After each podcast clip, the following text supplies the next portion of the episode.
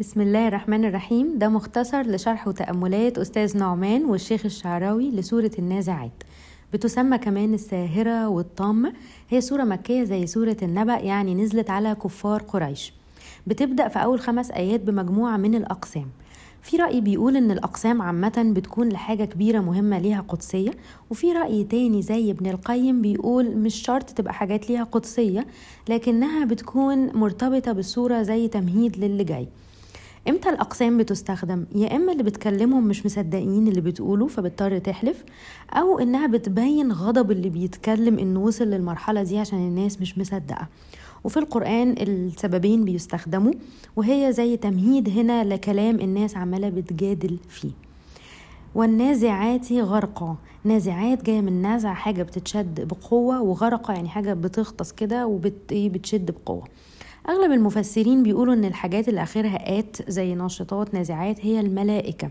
في رأي تاني إنها النجوم في رأي تالت إنها اللي بيجاهدوا بيضربوا بالسهام والقوس وفي رأي رابع إنها الريح زي المرسلات والذاريات مقصود إن الأقسام تكون غامضة فمفيش رأي صح والباقي غلط. في رأي بيبقى معاه الأغلبية لكن كل رأي بيحترم. في ناس مش مع إن المجموعة اللي في الأول على الملائكة لأن في أغلب القرآن الملائكة بتيجي بصيغة المذكر علشان ربنا ينفي كلام الكفار من إنه الملائكة بنات ربنا. وكمان لأن في أحاديث كتير بتقول إن الروح بتغادر الجسم من أصابع القدم والصورة هنا إن هي بتتشد يعني من جوه الجسم. فيعني في كلام شوية على إن ممكن تبقى صورة مختلفة.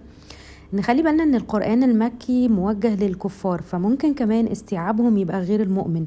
يعني العمق بتاع المعنى إن هو الملائكة ممكن يوصل للمؤمن ممكن الكفار يبقوا شايفينها على إنها الرياح حاجة حواليهم موجودة في البيئة حواليهم. لو هي الملائكة فهي الملائكة اللي بتشد الروح بتاعة الكافر بقوة. لو الرياح فهي اللي بتشيل كل حاجة زي الشجر. والناشطات نشطة يعني بتفك عقدة كده من غير أي مجهود. ده معنى كلمة نشط. الملائكة بتدخل وتشد روح المؤمن بسهولة. لو الرياح فهي الرياح اللطيفة زي النسمة. والسابحات سبحة. سبح جاي من زي العوم أو السباحة حركة بانسيابية. الملائكة يبقى الطلوع والنزول بانسيابية والحركة برضو جوه الجسم بانسيابية. لو هي اللي بنتكلم على الرياح يبقى هي كأن السحاب اللي الرياح بتحركه كأنه بيعوم في السماء. فالسابقات سبقا. نلاحظ هنا في فاء يعني معناها إن ده مرتبط باللي قبله. الواو يعني معناها إن الحاجات مختلفة عن بعضها. فكأن هم إيه بيسابقوا بعض ولو السحب فكأنها برضو اللي بتسابق بعضها. فالمدبرات أمرا. لو الملائكة فهي الملائكة اللي بتنفذ أمر ربنا. لو الرياح فهي الرياح اللي بتوزع السحاب والمطرة والغبار وكل حاجة في الحياة. كلمة مدبرات جاية من تدبير وتدبير يعني اللي هي من أول التخطيط خطة كويسة جدا محكمة لحد ما العمل ده يتنفذ.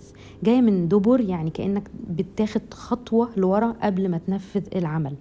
والتخطيط في القرآن بيجي بمعاني كتيرة أو كلمات كتيرة بس كل كلمة بتبقى في فرق بسيط قوي ما بينهم. تدبير غير كيد غير مكر غير حيلة. كل واحدة فيهم هنقولها لما يجي يعني ذكرها في الآية إن شاء الله. يوم ترجف الراجفة. هنلاحظ هنا بقى إن السجع بدأ يتغير كأن الموضوع بدأ يتغير كأنها فقرة جديدة مثلا. في سورة النبأ كان الكلام في الأول على التساؤلات والسخرية بتاعة الكفار وبعدين بقى الكلام على يوم القيامة. هنا كأنها مراية لسورة النبأ العكس. في الأول كان الكلام هيبقى على يوم القيامة وبعدين في الآخر هيجي الكلام اللي هو التريقة والتساؤلات بتاعتهم. والرجف اللي هو حاجة بتترج بقوة زي الزلزلة كده ودي اللي مقصود بيها النفخة الأولى. الأرض والجبال تتهز وتترج. تتبعها الرادفة.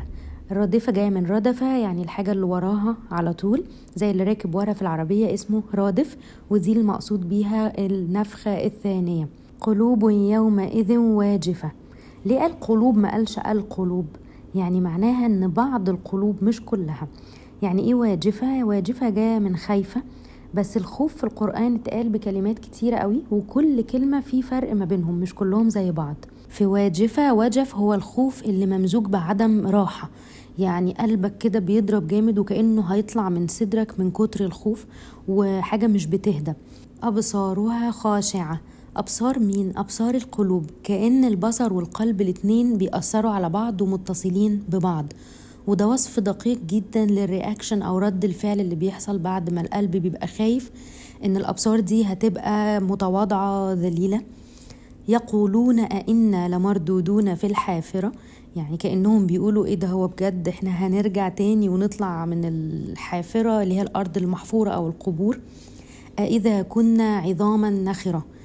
يعني ده عظامنا خلاص بقت نخرة يعني فاضية من جوه اتحللت واتفتتت. قالوا تلك إذا كرة خاسرة. كرة يعني زي الكر والفر يعني كانوا بيقولوا لا ده دي كده بقى هتبقى هجمة علينا جاي علينا بخسارة تريقة برضو. فإنما هي زجرة واحدة. ربنا بيحط نهاية بقى للكلام بتاعهم ده يعني هي زجرة واحدة زجرة يعني شخطة كده أو زعيقة يعني زعيق عالي بغضب. وفي بيقال إن هي مقصود بيها النفخة التانية. إيه اللي هيحصل بقى؟ إيه النتيجة؟ فإذا هم بالساهرة. الساهرة اللي هي الأرض ممكن الواسعة البيضة الكبيرة أو جاية من السهر اللي ما بيعرفش ينام ما بيغمضش عينه. وده اللي هيحصل لما هتقوموا من القبور. نلاحظ السجع هيبدأ يتغير هندخل في موضوع جديد.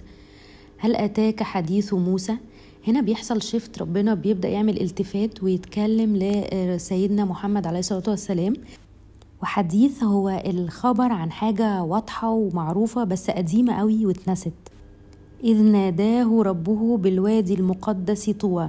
اسم الوادي طوى ومقدس يعني كانوا بيقدسوا فيه ويذكروا فيه ربنا. اذهب إلى فرعون إنه طغى. طغى آه، الطغيان اللي هي لما تملى مية مثلا كوباية للآخر لحد ما تدلدق يعني عدت كل الحدود. وفرعون أعلن نفسه رب واستعبد بني إسرائيل فكأنه طغى يعني زودها قوي. فقل هل لك إلى أن تزكى؟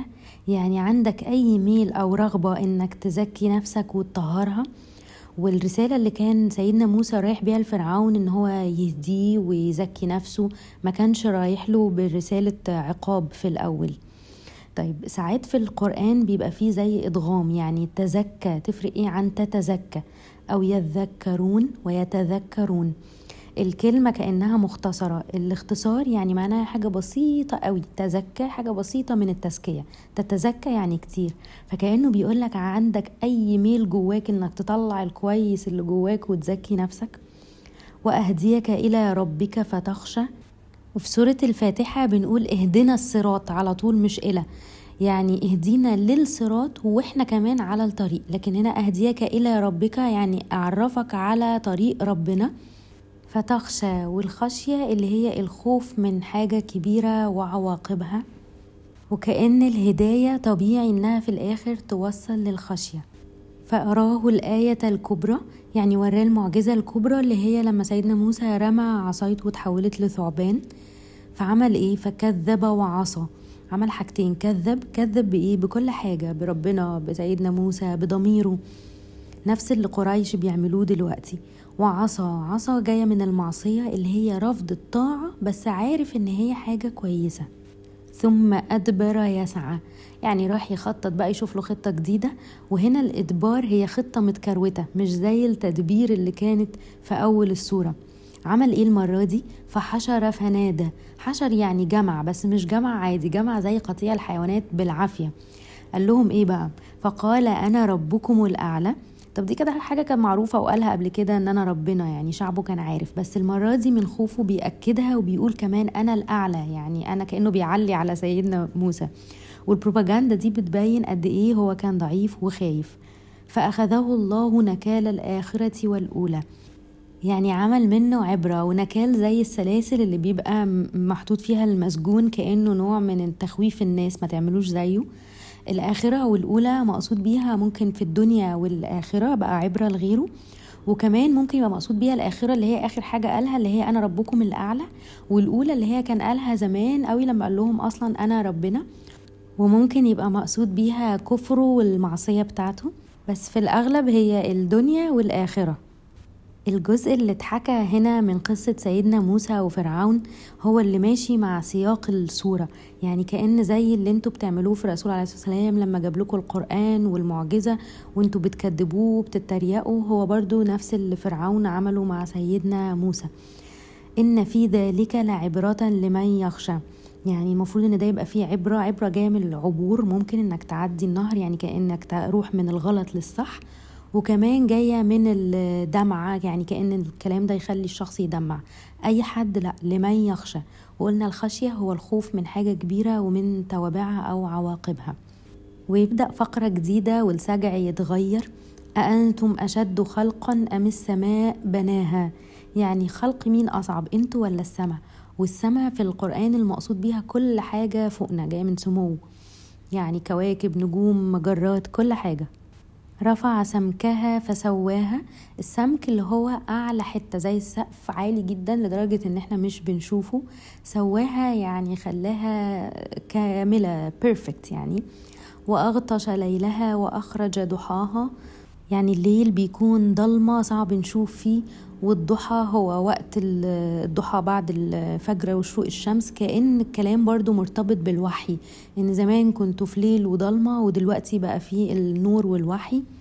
والأرض بعد ذلك دحاها دحاها يعني خلاها زي فلات أو سموث يعني ممهدة كده سهل إن تمشوا عليها تزرعوا فيها تعملوا كل حاجة فيها.